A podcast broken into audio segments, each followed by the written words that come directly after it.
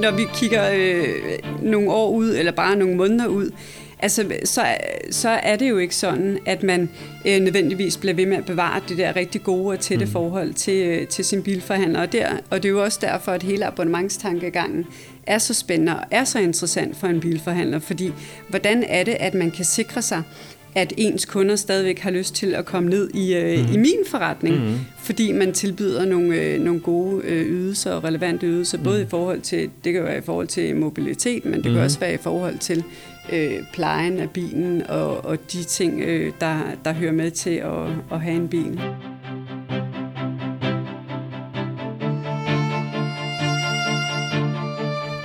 Velkommen til Subscription Talks.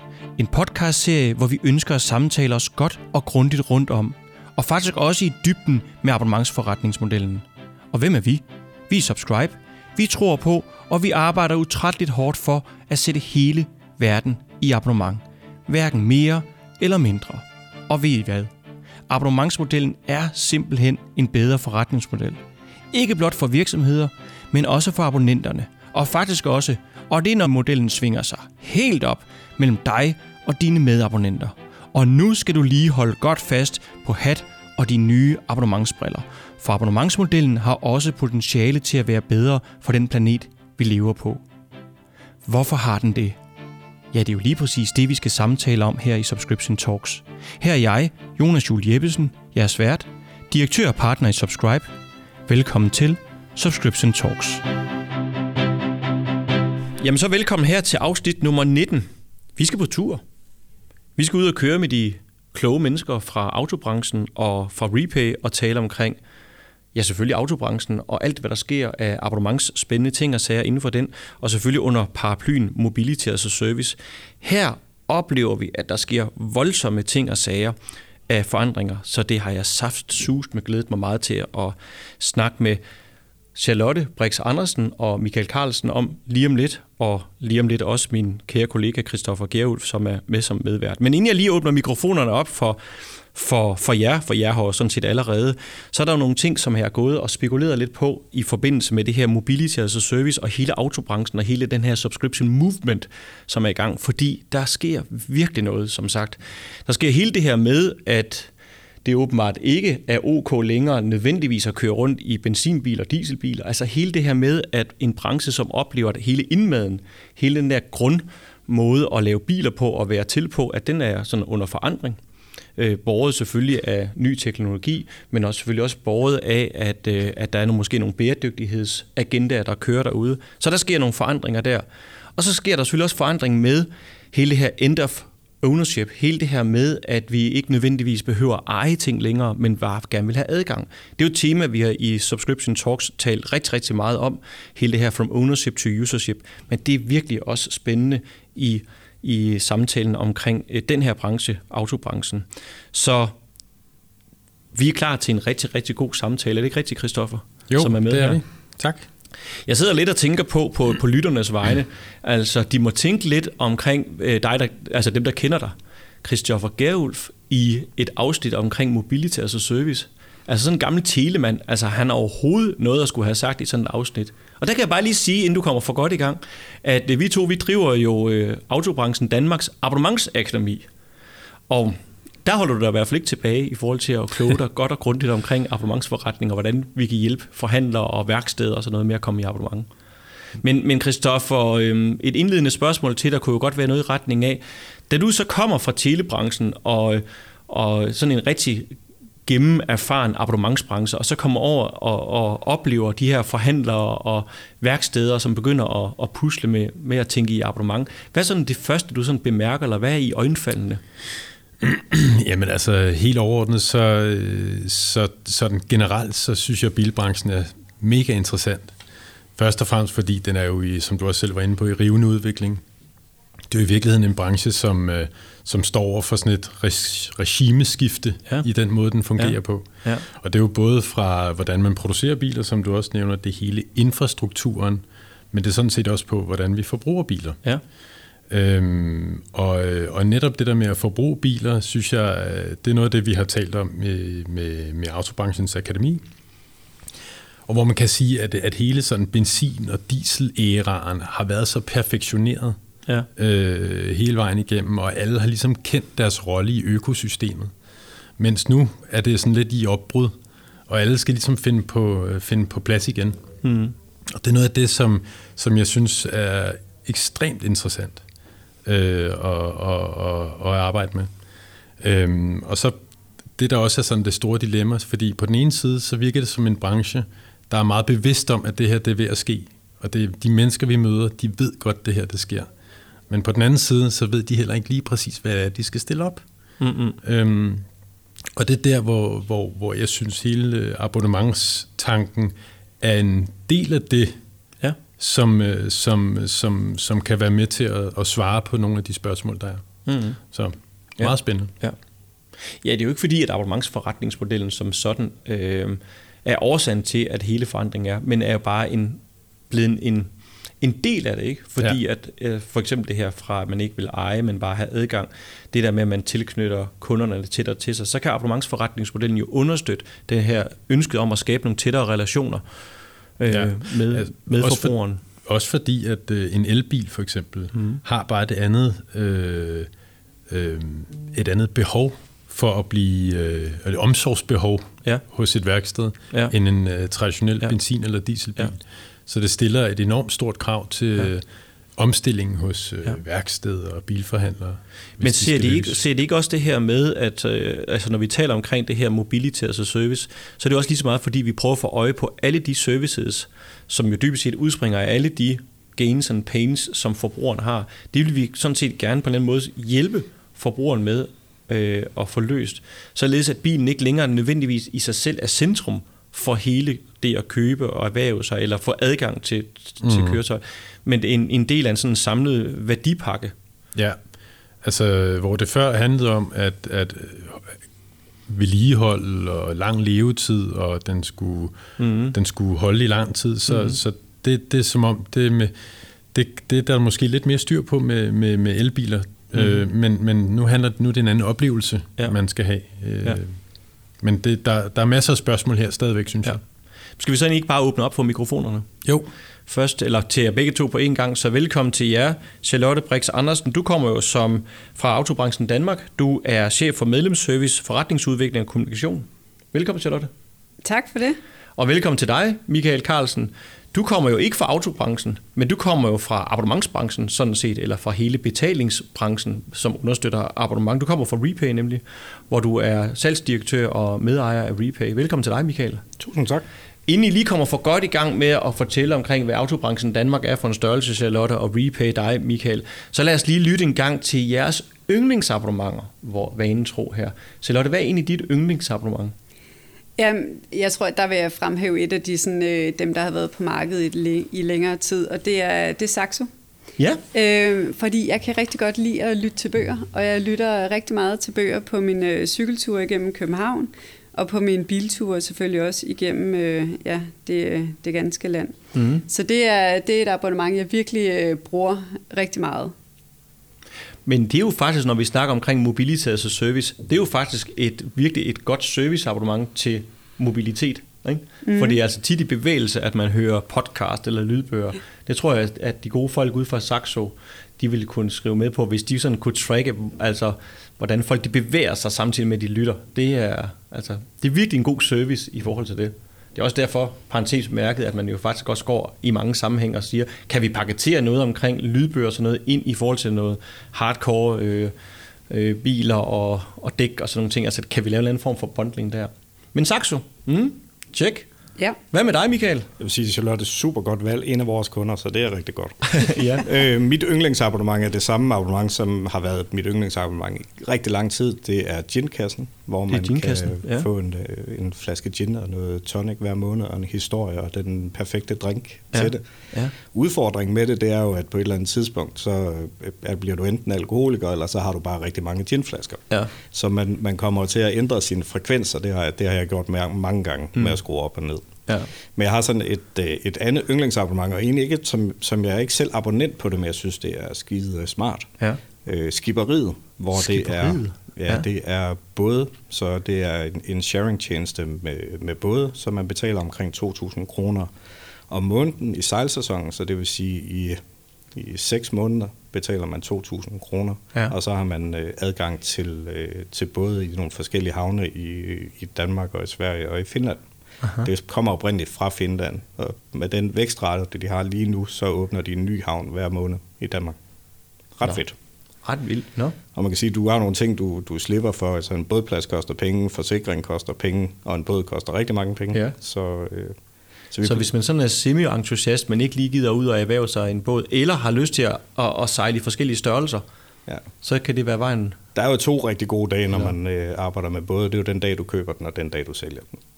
så du kan tage dit pæne tøj på, sætte dig ud under bruseren og sidde og trække 1000 kroner i stykker. Så meget koster det at, at have en båd.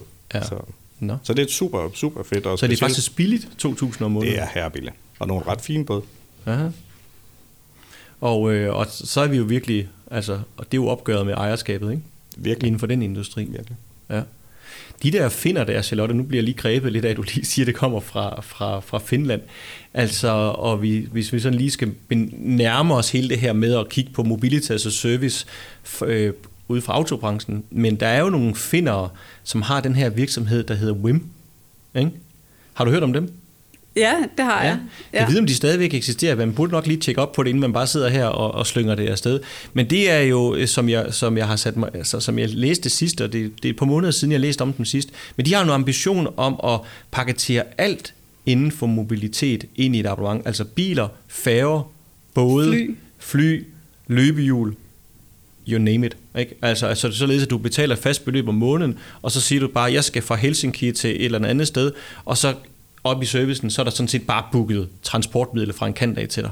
Ja, og det er jo en sindssygt spændende tanke, ikke? Altså jo. kunne man sidde der med sin telefon, og så booke sin, øh, sin tur til, ja, enten hvis man skal til Jylland, eller til London, eller ja. Paris, eller, ja. eller til USA, ikke? Og, og komme direkte fra A til B. Ja.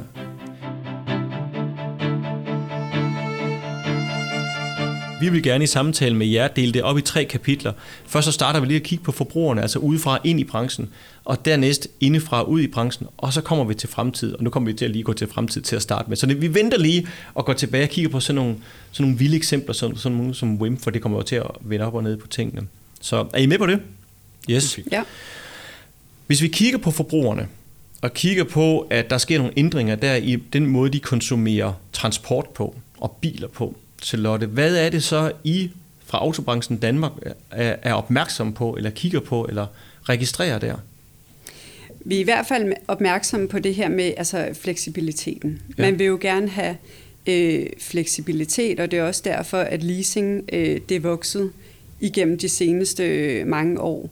Øh, så er der jo også alle de her nye øh, delebilsløsninger, øh, som mm. jo også er, er i vækst. Øhm, og så, så er der også øh, digitalisering, som forandrer hele den måde, hvor en bilforhandler er i, er i kontakt med sin øh, kunde på. Altså, der er jo mm. rigtig mange, som har en rigtig god relation til, til deres bilforhandler, og jeg tror alle sammen, at vi, øh, vi selv kan nævne navnet på vores øh, bilforhandler. Men øh, med digitaliseringen, så, øh, så er der jo bare øh, en større konkurrence om, øh, om kunderne, og øh, der er flere tilbud, man kan jagte på øh, nettet. Man kan sammenligne priser, værkstedspriser, bilpriser. Øhm, og det gør jo bare, at, øh, at der er en, øh, ja, en større konkurrence mm. øh, derude. Mm. Men, men tror du, at forbrugerne bliver ved med at kunne svare på deres tilknytning til et værksted? Altså hvis du kigger også på de yngre forbrugere, når I taler omkring de yngre forbrugere. Nu sagde du, da vi sad og varmede op her, at det er lidt tankevækkende, at... Øh, at de havde en ansat, som slet ikke havde kørekort. Altså, hvad, hvad, hvad sker der? en 27-årig, som ikke har kørekort. Altså også det der med, at man ikke bare partout skal have et kørekort, lige snart man rammer 18 år. Altså, hvad, hvad er det, der sker inden for det her? Men, og det er jo lige præcis det, der sker, fordi det, mm-hmm. når vi kigger øh, nogle år ud, eller bare nogle måneder ud, altså, så, så er det jo ikke sådan, at man øh, nødvendigvis bliver ved med at bevare det der rigtig gode og tætte mm. forhold til, øh, til sin bilforhandler. Og, der, og det er jo også derfor, at hele abonnementstankegangen er så spændende og er så interessant for en bilforhandler, fordi hvordan er det, at man kan sikre sig, at ens kunder stadigvæk har lyst til at komme ned i, øh, mm. i min forretning, mm. fordi man tilbyder nogle, øh, nogle gode øh, ydelser og relevante ydelser, mm. både i forhold til, det kan være i forhold til mobilitet, men det mm. kan også være i forhold til øh, plejen af bilen og, og de ting, øh, der, der hører med til at, at have en bil. Ja. Kan du lige for god ordens skyld, det glemte jeg faktisk lige at spørge dig om, Autobranchen Danmark, hvad er det for en størrelse, hvis du lige hurtigt skal fortælle det til lytterne? Det, Autobranchen Danmark er en øh, brancheorganisation, mm. og vi øh, samler både øh, bilforhandlere og værksteder, leasingselskaber, autolakere, så vi er en bred organisation, der organiserer hele branchen.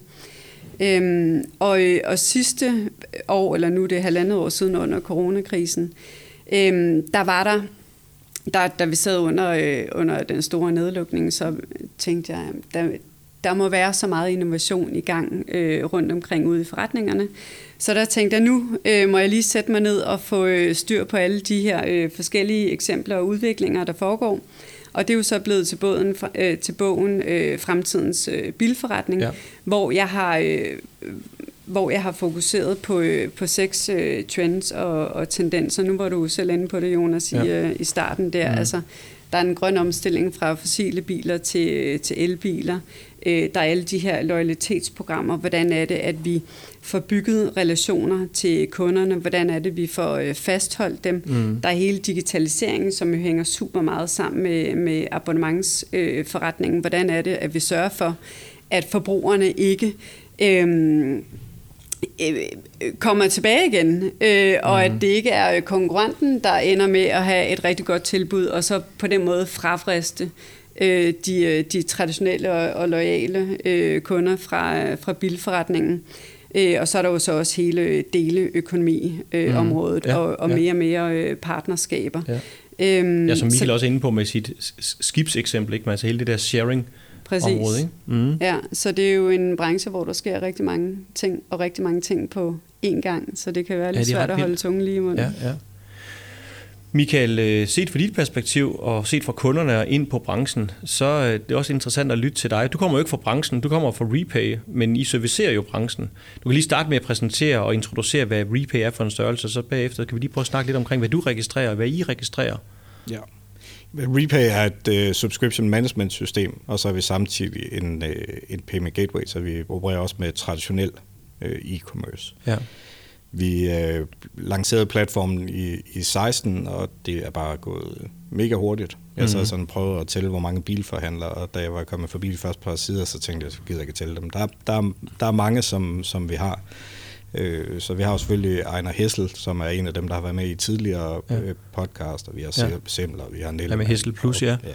Så der, der er rigtig mange af, af, af dem, og vi kan se, at mange af de mindre bilforhandlere begynder også at komme ind. Øh, vi snakker meget med forretningssiden, og ikke så meget med, med kortholdersiden, men hvis vi en gang imellem kommer til at tale med en af kortholderne, jamen, så er det jo, altså, det er jo convenience, øh, der har gjort det. Og så er det rigtigt, at de er, de er meget lojale over for deres, øh, dem, mm. som de har et abonnement hos, ja. den ene eller anden slags. Ja. Det vi så ser, der begynder at, at ske ude hos, øh, hos merchants også, det er, at, at en ting er, at de starter på abonnementsplatformen, jamen så begynder de at få deres webshop ind over, og de ja. begynder egentlig også at få registreret transaktionerne fra deres, ja. øh, fra deres fysiske, og begynder at få et, et, et overblik over kunderne, altså hvor meget bruger de. Mm-hmm. Så, øh, så vi kan nok ikke berige det så meget med, hvad, hvad er det egentlig kunden føler og gør det. Men altså, jeg kan sige, for mig selv, der er det jo convenience. Mm. Og det er jo næsten for dumt at sige nej tak til mange af de abonnementer, der er derude. Ja. Jeg kan huske, at jeg holdt et foredrag for et stykke tid siden hos en af de store øh, forhandlere, øh, og, øh, og der, jeg tror, der sad 200 mennesker der fra, fra alle mulige steder i, i forretningen. Øhm, og så diskuterede vi, og jeg lavede sådan en, en, et, bare lidt et lynhurtigt survey omkring, hvis de forestillede deres, deres børn, dem under 18 år, at når de engang skal ud af erhverve sig biler, altså transportmiddel. Altså, hvordan vil de så gøre? Vil de abonnere på bil? Vil de lease bil? Vil de købe den traditionelt? Eller vil de slet ikke anskaffe sig bil? Og det, der var lidt interessant, altså jeg kunne, forstå, jeg kunne spørge jer, hvad tror I, de svarede? Det er jo folk inden for branchen. Hvad tror du, Christoffer, de svarede?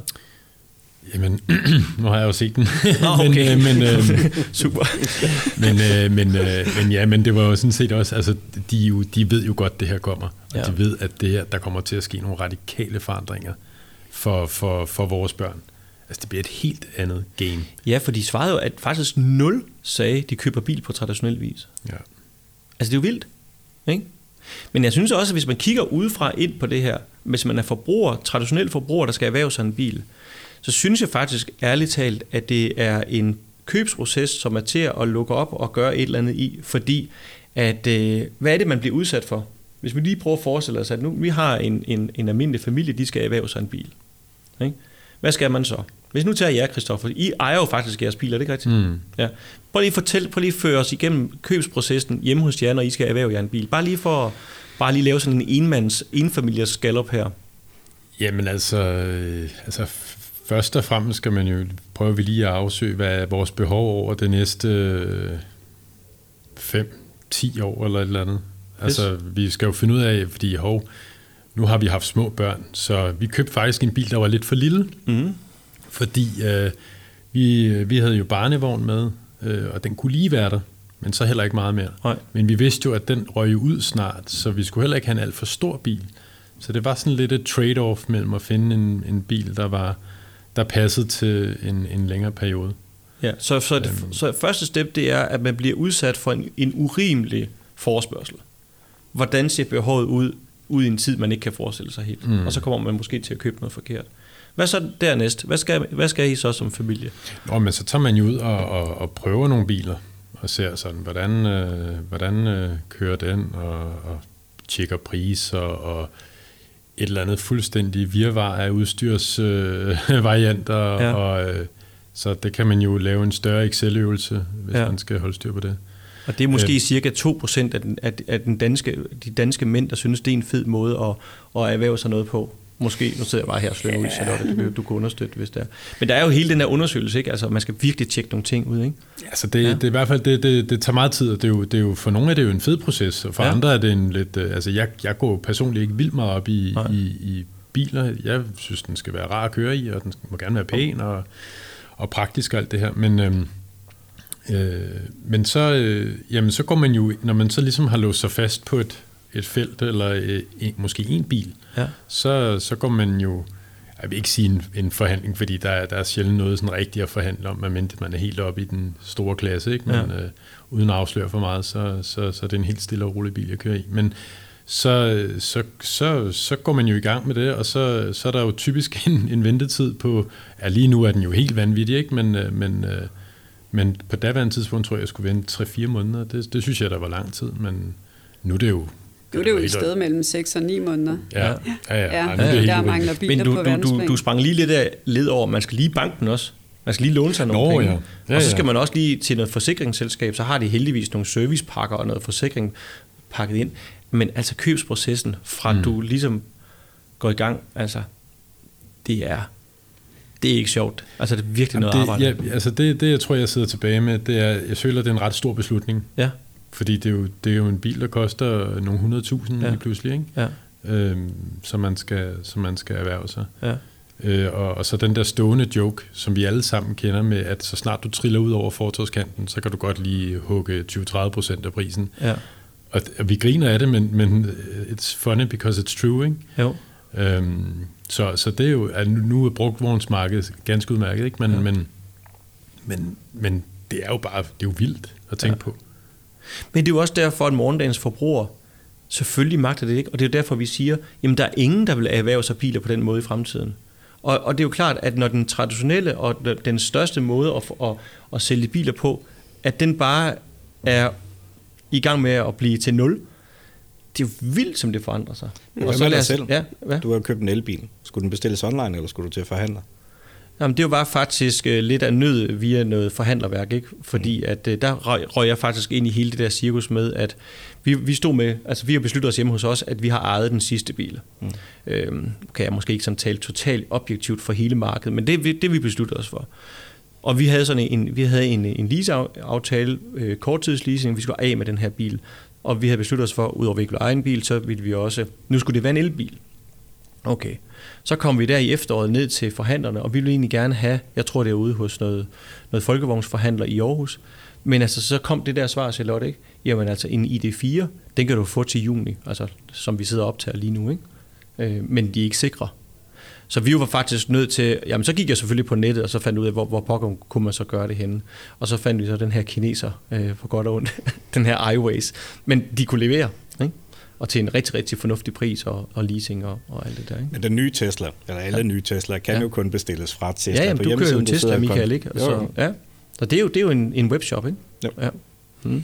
Og, og man kan sige, på den korte bane, altså, så er der jo stadigvæk rigtig mange, som gerne vil ned hos deres bilforhandler, lige øh, se bilen, dufte bilen, sætte sig ind i bilen, lige sådan mærke det, fordi det er en stor beslutning at købe en bil mm. på, på nettet. Så, så selvom, der, selvom man kun kan købe Teslaen, øh, hvis det er lige den, vi tager udgangspunkt i online, så er der mange, der alligevel har et kendskab til, hvordan Teslaen ja, ja. ser ud, og hvordan den, øh, hvordan den kører. Men, men under altså coronakrisen har jo skubbet på mange ting, og især på det, på det digitale, og der er jo mange, der er begyndt at sælge endnu flere biler online, altså fordi man simpelthen vender sig til, at, øh, at selvfølgelig kan man også købe en bil online. Øhm, og så både nye biler, øh, men også brugte biler, men der er også stadigvæk mange forbrugere. Så øh, selvom de sidder derhjemme og klikker på øh, køb, øh, det er der nogen, der gør, og så er der andre, der tager ned til deres øh, forhandler, og så foretager købet øh, nede hos, øh, ja, hos ja. forhandleren. Ja, ja, så der er jo noget tryghed i det ja, også, ja, klart, der lige sådan skal ja, ja. Men jeg synes, det er rigtig sjovt, for jeg ved ikke, om du har været ude og besøge Tesla-værksteder, så det, altså, jeg var derude med bilen, og så siger det, kunne du tænke dig at se værkstedet? Og de har jo, de er jo helt rene negle, og det ene og det andet, mm. fordi der er, jo ikke, altså, der er jo ikke noget olie eller noget som helst, de kommer i kontakt med, så det var jo det var ret imponerende. Men jeg vil sige, de kunne nok ikke gøre, jeg kommer fra en bunderøv fra Jørgen, jeg kan huske i gamle dage, når vi kørte på værkstedet med, med min fars bil, så Kjelds autoværksted, som det hed, han tog den store, store skruetrækker, og så holdt han den op til øret, og så lyttede han på bilen, og så kunne han fortælle, hvad der var galt. Det er der i hvert fald ikke noget af længere. nej, nej. nej, på den måde er det jo også, altså det er jo vildt, når hele, altså det er jo sagt om før, når hele indmaden af bilen, altså fundamentalt ændrer sig. Mm. Så deres fag jo ændrer sig der er nogle helt andre kompetencer, man, mm. man skal besidde. Altså en mekaniker skal jo være mere en, øh, en software-ingeniør mm. i øh, fremtiden, end, øh, end virkelig at kunne øh, reparere på en, en motor. Mm. Øhm, og, og det samme også med, altså, de skal jo også i højere grad overlevere bilen til kunden, så der er jo også noget, nogle kommunikationskompetencer, nogle konflikthåndteringskompetencer, alt sådan noget, som andre har taget sig af. Øhm, så, så der er jo virkelig ja, mange nye kompetencer, ja, som ja. Man, skal, ja. man skal lære. Ja, og, når det så, og, når, og så lad os tage øh, over til, til, til den næste del, der handler det omkring forhandlerne. Altså, hvad er det, de bliver udsat for? Altså, ja, der er nogle helt andre typer kompetencer nede på værkstedet, fordi bilen fundamentalt er anderledes. Men når vi så kigger på forretningen ud mod kunderne, det her med, som vi snakker om før, at de begynder at efterspørge nogle, nogle andre ting, de vil ikke nødvendigvis købe tingene, men altså faktisk gerne begynde at abonnere på nogle services. Så lad os lige starte med at kigge lidt på og lige brainstorme lidt sammen på, hvad er det egentlig for nogle ting, man efterhånden kan abonnere på? Der kan du også kigge ned i jeres, i jeres øh, system, Michael, altså hvad er det for noget, der bliver sat i abonnement? Fordi der skal vi også lige huske på, det er jo ikke bilerne nødvendigvis, der bare sådan over en øh, bred kamp bliver sat i abonnement. Vi kender øh, abonnement, hvad hedder det, bilabonnement.dk, vi kender Drive, de, der er de der forskellige eksempler. Alt, alt, alt omkring leasing er jo også en afart af noget abonnement. Men hvor er det virkelig, at abonnement bliver sat igennem hen? Hvad, hvad oplever I der? Jeg kan godt starte med dig, Michael. Altså, vi ser jo meget på, på serviceaftaler og leasingaftalerne, ja. at det er rigtig meget. Så har vi jo har vi de der skal vi kalde klubmodellerne, som, øh, som Hessel Plus, ja. for eksempel. Ja. Det, det er de ting, der, det er det, der, der rykker lige nu. Men hvis vi så kigger lidt længere væk, så ved vi, at der er nogle af dem, der arbejder på, at, at når du har serviceaftalen på ja. bilen, at planen er, at de kommer ud og henter din bil om natten, de ja. flytter alle dine ting over i den, og så kører de væk med den, ja. og kommer tilbage med den ja. på et tidspunkt. Ja. Ja. Så, og, og det, for mig der er det sådan lidt en sjov, hvor jeg siger, hvad, hvad, hvad fanden gør I så? Altså, vi, har, vi har ikke barnestol og sådan noget længere, men hvad gør I med, med barnestol og, og de ting, der ligger og flyder på bagsædet, og sådan nogle skal ting, golfudstyr, hvad det måtte være, ikke? Ja. Men det flytter vi bare over. Mm. Og så, så ved den, at når, når personen sætter sig ind i bilen, så ved den, hvordan sædet skal være, hvordan rettet skal være, og ja, det ene ja. Og det, det, altså, så for mig er det sådan lidt grænseoverskridende på, på en ja, eller anden måde. Ja, ja. ja. Mm. Så. Der er også mange, der abonnerer på øh, juleskifte, øh, dækhotel. Mm. Øh, det er også en abonnementsydelse, mm. som, øh, som rigtig mange forhandlere øh, tilbyder i dag. Ja, så servicekontrakterne, som du siger, Michael.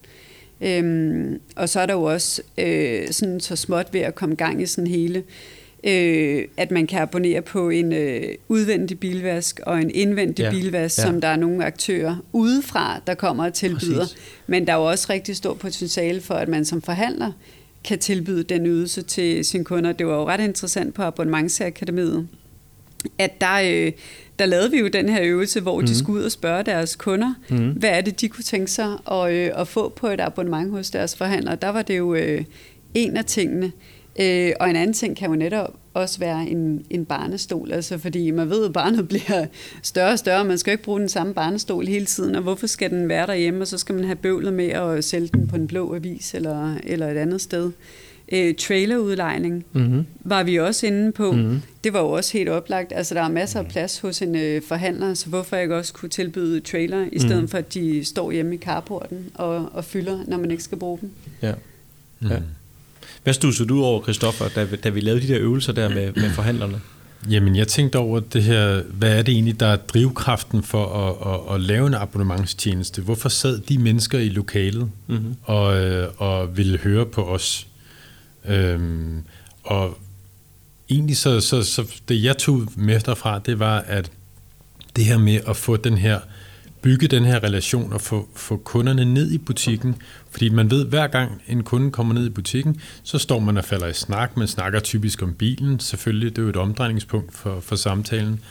Og, øh, og, og så, så begynder kunden at i talesætte sine behov, og og ja, ja, de der fælge der, de er altså også ved at være helt uh, slidt ned, og undervognen er ved at være lidt rusten, og, og, sådan, og så har man mm. dialogen, og, og selvfølgelig også salgsdialogen herunder. Øh, og, og det er jo attraktivt for, for, for et værksted eller et, øh, en bilforhandler at have den dialog. Så derfor vil man selvfølgelig gerne have, mm. have, have, have, have kunden i butikken mm. øhm, for, at, for at have den relation og sikre sig, at næste gang de skal købe en bil, så er det dernede. Og hvis jeg lige må tage den videre, for jeg tror måske, det var dig, Michael, der kom med eksemplet, da vi havde vores abonnementsakademi.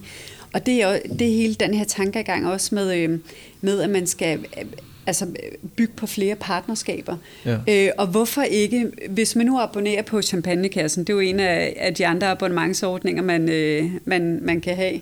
Øhm, så hvis man abonnerer på det, i stedet for at det bliver sendt hjem til en, og man skal hente den nede hos en GLS pakkeshop, hvorfor ikke hente den hos sin bilforhandler? Man skal alligevel ud og, og køre for mm. at hente øh, den store øh, champagnekasse, fordi det er jo ikke noget, man har lyst til at tabe på cyklen.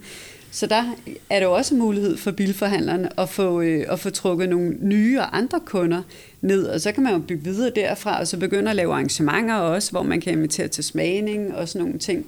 Altså, så det er jo hele det her med, hvordan er det, at man kan tænke sine kunderelationer på en ny måde, og få mm. videreudviklet på mm. kunderelationerne, og netop sørge for, at de kommer ned i, i forretningen, sådan så de også vil købe den næste bil der, eller mm. få repareret sin, øh, sin bil øh, der. Det ja, synes jeg bare ja. var en meget spændende mm. Ja, og i virkeligheden kan man sige, at det er sådan en videreudvikling, fordi øh, den der klassiske åbent hus øh, søndag, hvor øh, man kan komme ned og se den nye et eller andet, eller prøvekøre, eller, og så bliver der serveret pølser og en, øh, en, øh, en sodavand og eller andet.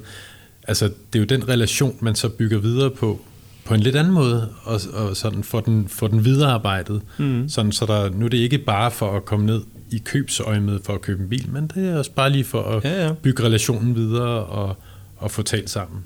Jeg synes, jeg synes det var en, en stor øjenåbner hos forhandlerne og, og værkstedsindehaverne, det her med, at vi kan sagtens bygge nogle abonnementsforretninger, som måske ikke nødvendigvis er den store indtjening på i sig selv, men som afstedkommer, at næste gang de skal have en bil, næste gang de skal have den store, øh, den store reparation osv., osv., jamen så er det helt naturligt for kunden at komme der. Så det der med ligesom at få samlet på touchpoints, øh, det er mega, mega vigtigt. Hvor man jo kommer fra en branche, hvor man er vant til, når man er transaktionsbaseret, at kigge på, hvad er indtjeningspotentialet på den næste transaktion. Så gør det jo lidt ondt på en eller anden måde at, at lave sådan noget med 400 kroner om måneden med dækhotel og nye dæk og alle for, altså hvis man ikke kan regne den hjem. Men man skal jo ikke regne den hjem på dækket alene, man skal regne den hjem på hele kunde, hvad hedder det, engagementet og, og relationen. Det synes jeg var noget af det, som, som de fik øjnene op for og var totalt med på at begynde at, at tænke i den retning der. Mm. Og så bliver det jo naturligt at hente sine pakker der, eller hvad mm. pokker det nu kan være, fordi man mere får sådan en, en, en almindelig gang med, med sin forhandler. Og så begynder forhandler jo også at få et andet, ja, man får en anden relation, et andet øje for, hvad det her det kan. Og kunderne vil jo faktisk gerne hengive sig til en specialist, som bare har styr på tingene. Kunderne vil jo ikke bare partout ud og shoppe hele tiden. Altså, man har en hverdag, hvor man gerne vil reducere i alle mulige bøvl og, og tidsspilder og sådan nogle ting der. Så hvis man ligesom kan hengive sig til en forhandler, så er det alle tiders. Altså, der er der en anden form for fælles interesse for mm. begge parter. Men så betyder det bare, at forhandleren er meget mere, byder meget mere velkommen med forskellige modeller og løsninger og, og måder at bygge relationen op på. Man kan også sige, at, at der, hvor man opnår noget commitment fra kunden, det er jo der, hvor kunden føler, at der bliver skabt en kontinuerlig værdi ja. øh, hos forhandleren. Hvis det kun er i forbindelse med køb af en bil, eller at man sælger sin bil, eller det der halvårlige juleskift eller et eller andet, så, så, så, så når den kun et vist stykke. Men hvis man ligesom får den der løbende, så løbende dialog i gang, så er det som om, der opstår en anden kemi, og mm. netop den her værdi mm. kommer sådan i, et, i, et, i en lindstrøm. Som det, det, det, det tror jeg også, det er også ja. noget det, som, det, det er helt klart øh, forstået, han har sagt, det, den, den, den er forstået, men hvordan bygger man så den endnu mere op? Det, ja. det synes jeg er en interessant øh, mm. vinkel mm. På, på det her. Ja. Mm. Hvad, hvad oplevede I, og hvad oplever I derude? Altså, for det er også en anden måde at være hvad hedder det, medarbejder hos en forhandler på. Altså, den klassiske bilsælger. Altså, Charlotte, hvad sker der med vedkommende? Altså, hvad hører I derude? Altså, fordi det er jo altså et nyt job lige pludselig på, på nogle fronter. Ikke? Nu snakker vi om nye kompetencer nede på værkstedet, fordi at der er gået ild i den. Ikke? Øh, men hvad oplever I ude i, i, det mere i de mere kommersielle led, at sker forandringer? Men øh, det er jo en ny måde at, øh, at tænke på, og nogle, øh, nogle nye måder at gøre tingene på. Øh, men vi oplever også, at, at det, er jo, det er jo spændende. Altså, det er jo en sindssygt spændende branche at være i lige i øjeblikket, fordi der sker så mange øh, ting.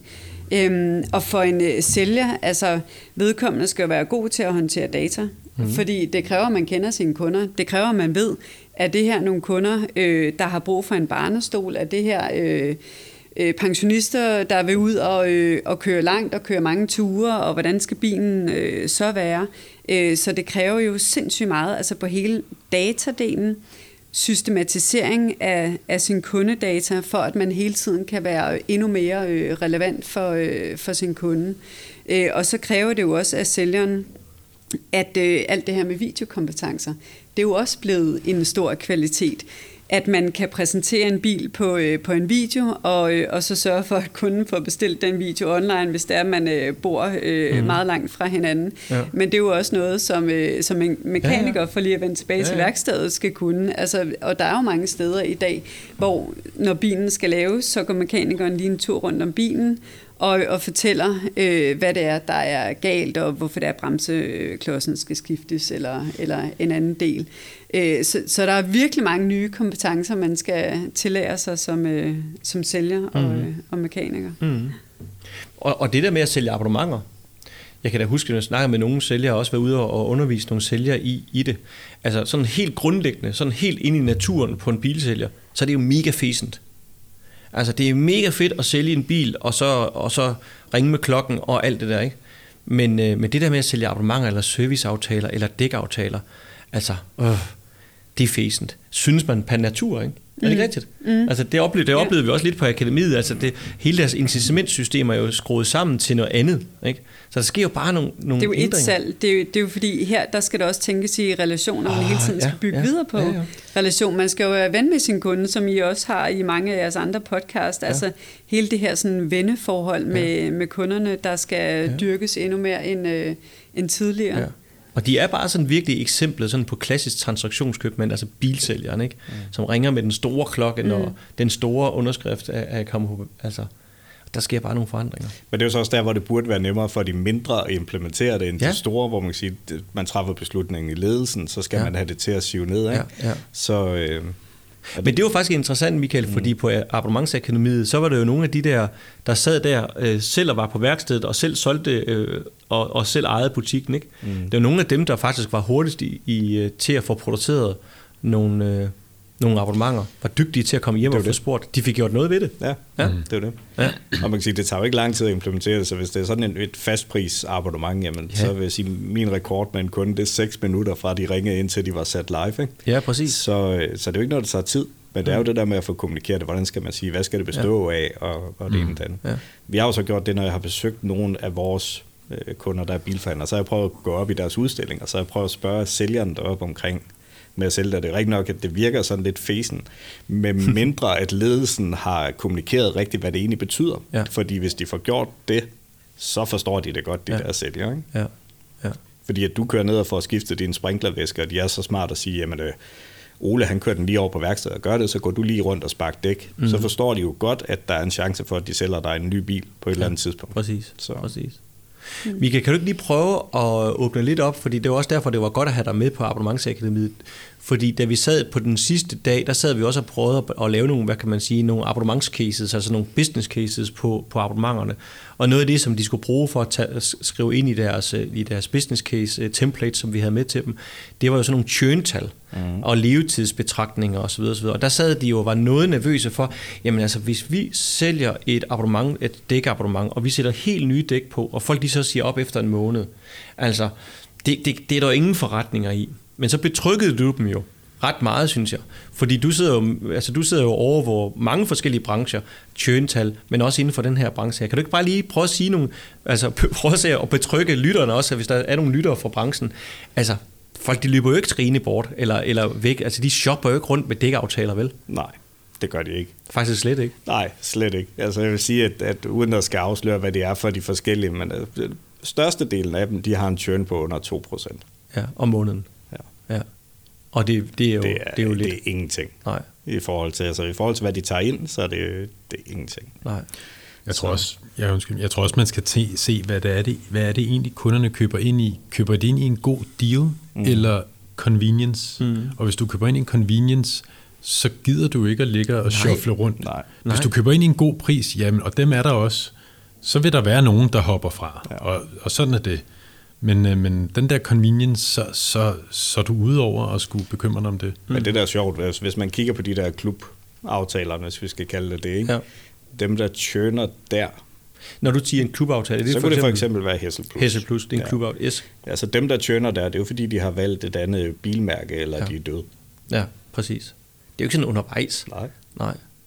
Så altså, hvorfor, også... hvorfor skulle man gøre det? Altså, præcis. det er så afsindigt billigt i forhold til, at du får. Ja, men det er, jo det, det, er jo det, det er også derfor, når man sidder og regner på det, det er også derfor, vi bad dem om at tage nogle snak med jeres kunder, inden I begynder at, at lave det her, og finde ud af, at man gider jo ikke bare, det er jo bare en pain oven på en pain, mm. at hvis man skal til både at finde ud af, okay, jeg skal abonnere på de her dæk, og så skal jeg også huske at se dem op igen. Det gør man jo ikke. Nej. Altså nu abonnerer jeg på, på Rubber hvor jeg jo faktisk, om, hvor det er lidt bag om ryggen på mig, at de skifter øh, dækken, ikke? fordi de skifter dem hjemme hos mig. For jeg hader det der med, at jeg skal køre ned til et eller andet dækcenter, og så skal jeg sidde i et eller andet tagligt baglokale og vente på, at altså, det er mega fedt for et fast pris om måneden, og så bare abonnere på både skiftet, og at, de, at øh, på, på vinterdækkene, og at det sker hjemme hos os.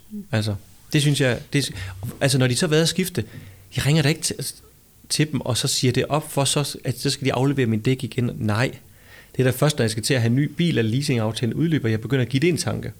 Men ja. det er jo lidt sjovt, fordi det, det er jo mange af de ting, der sådan støjer. Ikke? Mm. Altså økonomien i det selvfølgelig, og så IT-platformen. Ja. Og det var jo lidt sjovt på Abonnementsakademiet. Vi har jo tre fulde workshop-dage, lange workshop-dage, og hvor øh, vi havde lagt nogle af de her ting øh, til sidst. Ja øh, i øh, forløbet, men hvor vi, øh, hvor vi ender med at så rykke dem længere frem ja, i forløbet, fordi ellers så ligger det og, så ligger og støjer de for meget for i, øh, ja, ja. Ja, ja, i hovedet. Og, ja. og når man først, når du først har hævet de store regneark op, Jonas, og man kan se, at der rent faktisk er en uh, business case og økonomi yes, i det her, yes. så er det sådan lidt mere no-brainer at sige, okay, hvad er det så for nogle ydelser, der skal, der skal sættes på abonnement, ja. og det samme mm. med, ja, ja. med mm. Repay-platformen, altså når man kan se, hvor nemt det er at plotte sine tal ind og lave mm. rabatordninger og alt det der andet, ja. øh, så er det jo også øh, meget nemmere at, øh, at, at komme i gang med udviklingen.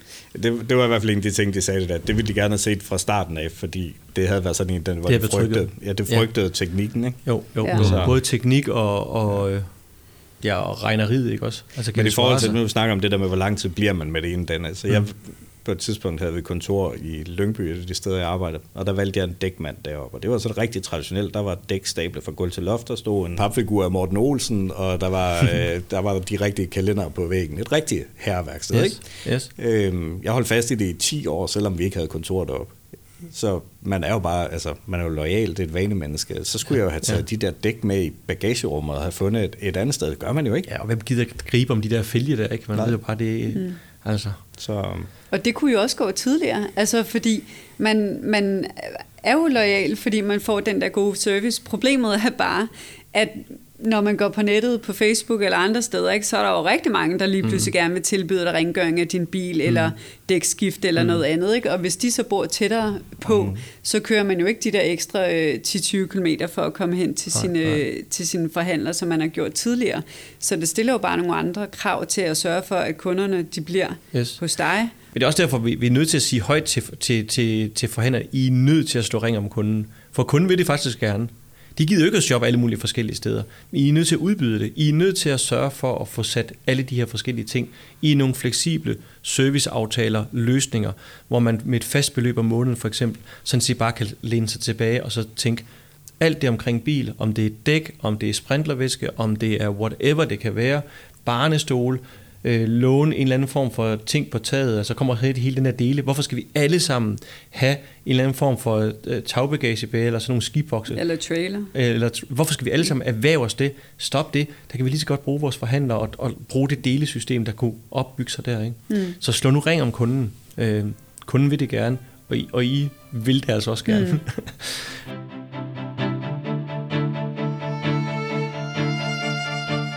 Lad os tage det sidste, det sidste kapitel i vores samtale. Hvis vi sådan skruer tiden sådan 5-8 år frem i tid, altså der, hvor du har bil til, Christoffer. Præcis. ja. øhm, hvad hedder det? Øh, hvordan ser, hvordan ser branchen så ud? Altså, hvordan ser efterspørgslerne så ud? Hvad, altså, hvad, hvad forestiller vi os lidt? Vi starter med forfatteren til fremtidens bilforretning, Charlotte. Hvordan øh, forestiller du dig, og hvordan forestiller I jer tingene fra autobranchen Danmark? Altså, hvad rådgiver I jeres medlemmer øh, til at, at tænke? Jamen altså, jeg tror, vi har fået mange flere mobilitetsydelser. Vi kan også se, altså Toyota-forhandlere, de tilbyder jo i dag allerede, altså både øh, bil og, øh, og elcykel, altså mm-hmm. hele, hele den her mobilitetstankegang, hvordan skal man komme fra A til B øh, på, på hvilket transportmiddel, det kommer til at, øh, at blive endnu større. Øhm, og, og så tror jeg også, at øh, altså, man skal virkelig arbejde med, at, at fastholde øh, sin kunde og dyrke den her kunderelation og sørge for, at alt det, der ligger omkring bilen, alt bøvlet med at få den vasket og alle de her ting, altså det skal man bare få sat på abonnement, fordi så øh, tror jeg også, at man har fat i, øh, i den lange ende mm. og, i, og i de loyale og stabile mm. kunder. Hvis folk ikke tager kørekort i fremtiden, hvis bilerne selv kan køre, eller når, det er jo ikke vis, så, så er vi vel også definitivt ved, at så, så behøver man jo simpelthen ikke sin egen bil. Altså, fordi så kan det jo bare gå ind i en app, og så sige, at jeg skal fra A til B, og så kommer en af de her selvkørende basser forbi, ikke? og så hopper ind i den. Enten sidder der nogen sammen med en, som skal samme vej, og bliver øh, altså sådan nogle, ja, eller også kan man måske skrive, at jeg vil gerne bare selv afsted. Ja, man altså. kan jo bare google på nettet Toyotas ja. fremtidsby, ja. uh, Woven City i, uh, i Japan, som Bjarke Engels faktisk har været med til at, uh, at tegne. Ja. Uh, og, og der kommer man ind på, på en app, og der kan man bestille sit, uh, sit køretøj, man skal bruge en cykel, eller en ja. bil, eller en bus, eller hvad man skal. Ja. Uh, og det er jo faktisk ret spændende at, at kigge på, hvordan Toyota tænker fremtiden. Ja. Og hvad tænker de omkring transaktion versus abonnement? Tænker de noget omkring det, eller hvad tror du, der sker der? Det, det er ikke en del af, af det her regnestykke, nej, fordi nej. Det, det handler mest om, at, så, at man kan gå på sin øh, ja. telefon og så bestille Men kan vide, om, om sådan nogen som Wim i Finland, for at og, og så slutte af med det, øh, har fat i den lange ende, ved at man betaler et fast beløb om måneden, og så kan du, altså som du streamer for et fast beløb om måneden, så kan du mobilit, altså flytte dig. Øh, ja, ligesom med Netflix. Ja, lige præcis. Ikke? Ja. Ja. Et øh, lidt spændende dilemma omkring øh, mm-hmm. mobilitet på den måde og selvkørende biler, det er, at der lige pludselig vil være mange flere mennesker, der har råd til at benytte sig af biler. Ja. Så den der, det der argument med, at der vil være færre biler på vejene, fordi de kører så væk et eller andet sted og kommer tilbage, jamen altså hele altså, trafikprop-problemet kan måske i virkeligheden vise sig at være endnu større. Mm. Fordi at lige pludselig er der skoleelever, der tager en bil i skole, Ja, ja. Øh, fordi det er convenient. Det er godt, ja. Men, men, men det er jo faktisk lidt interessant, bare lige for at knytte en kommentar til det, fordi der kommer flere biler, og de skal jo også serviceres og repareres og alt det her, så der vil jo være masser at lave på værkstederne og på mm. hele eftermarkedet og autolakering og så videre. Så hvis, hvis nu de her biler her, de, de, de, du har sikkert måske ret i, at uh, i og med, at, at efterspørgselen efter biler stiger, så kan det være, at der sidder flere i bilen, fordi der er godt nok også mange biler, hvor folk de sidder alene.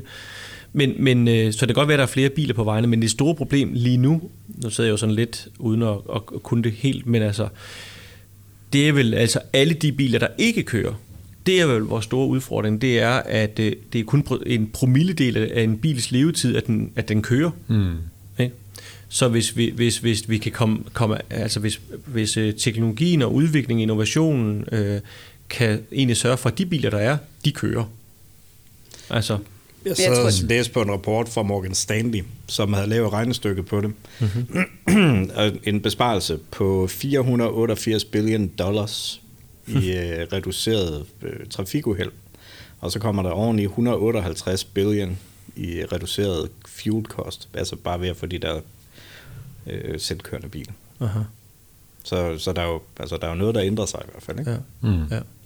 Men det er jo også derfor, at hele det her dele øh, marked, det vokser. Øh, ja. Jeg har jo, kender flere øh, yngre mennesker, som, øh, som, som har en bil, men som stiller den til rådighed for ja. andre, især ja. i dagtimerne, og når de ikke selv skal bruge den, fordi hvorfor skal den stå på en parkeringsplads ja. Ja. I, i fem af ugens dage? Ja når det er, at man kan låne den ud og tjene penge på det, og så har man stadigvæk sin egen bil. Og det er jo, og det er jo faktisk rigtig interessant, fordi det er jo, det er jo lige præcis der, hvor man i gåsøjne går lidt på kompromis med ejerskabet, og siger, okay, jeg lægger faktisk lidt, lidt af mit ejerskab ud mm-hmm. i markedet, mm-hmm. og tilbyder det til andre. Øhm, og det er jo sådan lidt, lidt af det, som abonnementstankegangen, at du ejer den ikke.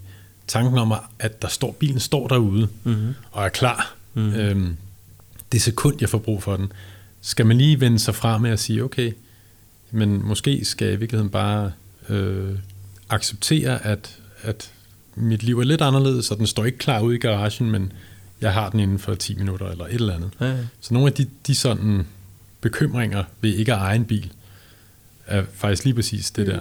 Mm. Godt. Kære venner, det har været mega spændende at snakke mobilitet og service og autobranchen med jer. Så tak til dig, Charlotte, og tak til dig, Michael, for en god snak. Og øh, nu skal du ud med skiberiet. Nej, det skulle du ikke, vel? Nej. Men du skal ud og sejle. Jeg skal ud og sejle, ja. ja så rigtig, rigtig god tak. tur, og rigtig, rigtig god sommer øh, til jer begge to. Christoffer, tak for medværtskabet her. Hvad sidder du egentlig tilbage med efter vores samtale med Michael og, øh, og Charlotte omkring det her? Uh, når vi nu slutter med fremtidens mobilitet, så næsten flere spørgsmål end svar. Men, ja, øh, men på, i forhold til, øh, til sådan bilbranchen indenfra og udefra, der, øh, der synes jeg, det er jo stadig en vanvittig spændende branche. Fordi der sker så meget. Altså, mm. Det er lige præcis noget her, jeg synes, der er allermest spændende. Mm. Fordi der, der sker så meget, og, og, og forretningsmodellerne, øh, de pipler frem alle mulige steder, på alle mulige måder og alle er udfordret, alle ser, hvad der sker, alle, der er den der optimale frustration øh, i, i markedet, hvor alle ja. vil, vil egentlig gerne finde ud af, hvor er min plads i det her. Ja, ja. både forbrugere og selvfølgelig forhandlerne. Ja, jamen, fordi ja. jeg tror, der er nærmest ikke den forbruger, der ikke sidder lidt og tænker, åh, oh, det kunne også være fedt med det og det og det, og hvornår sker det her, og, og sådan, hvornår kommer de selvkørende biler, så sådan, selv de mennesker, der ikke er så interesserede i biler til daglig, de har en holdning og en, og en følelse omkring det her. Så ja. jeg, synes, det, jeg synes, det er vildt spændende. Ja, ja. Og så er det jo vildt spændende, hvordan abonnementsforretningsmodellen kan understøtte hele den der bevægelse der. Det er jo sådan set nærmest alle vores forskellige ni modeller, der er i spil, når vi sidder og strikker abonnementsløsninger sammen. Ikke? All You Can Eat-modellen, der er Green Fee-modellen, der er Consumption-modellen, der er netværksmodeller, der er alt muligt tailor-made fra en kant af. Ikke? Ja, altså, men det er ren guf for en øh, abonnementsstikker. For nogle tosser som os. Ja. så, så tak fordi du var med her, Christoffer. Jamen tak fordi jeg måtte. Og øh, vi har jo et nyt akademi kørende til efteråret. De ligger jo en, en gang i kvartalet sammen med Autobranchen Danmark. Så det, det glæder vi os rigtig, rigtig meget til. Mm. Og så går vores lille podcast sådan set så småt på sommerferie, så også god sommer til, til alle lytterne. Nu skal I ud og køre i jeres, øh, i jeres biler, eller dem I har adgang til, på den ene eller den anden måde. Tak for betjening af knapperne til Kenneth Sperling, som sidder og skruer podcasten sammen. Og øh, ja, abonnementet her på, eller vores podcast er jo sådan set øh, gerne noget, I må forholde jer til som et abonnement. Abonner på tjenesten her og gerne anbefale den til Gud og hver mand. Så øh, rigtig god sommer. Tak for nu.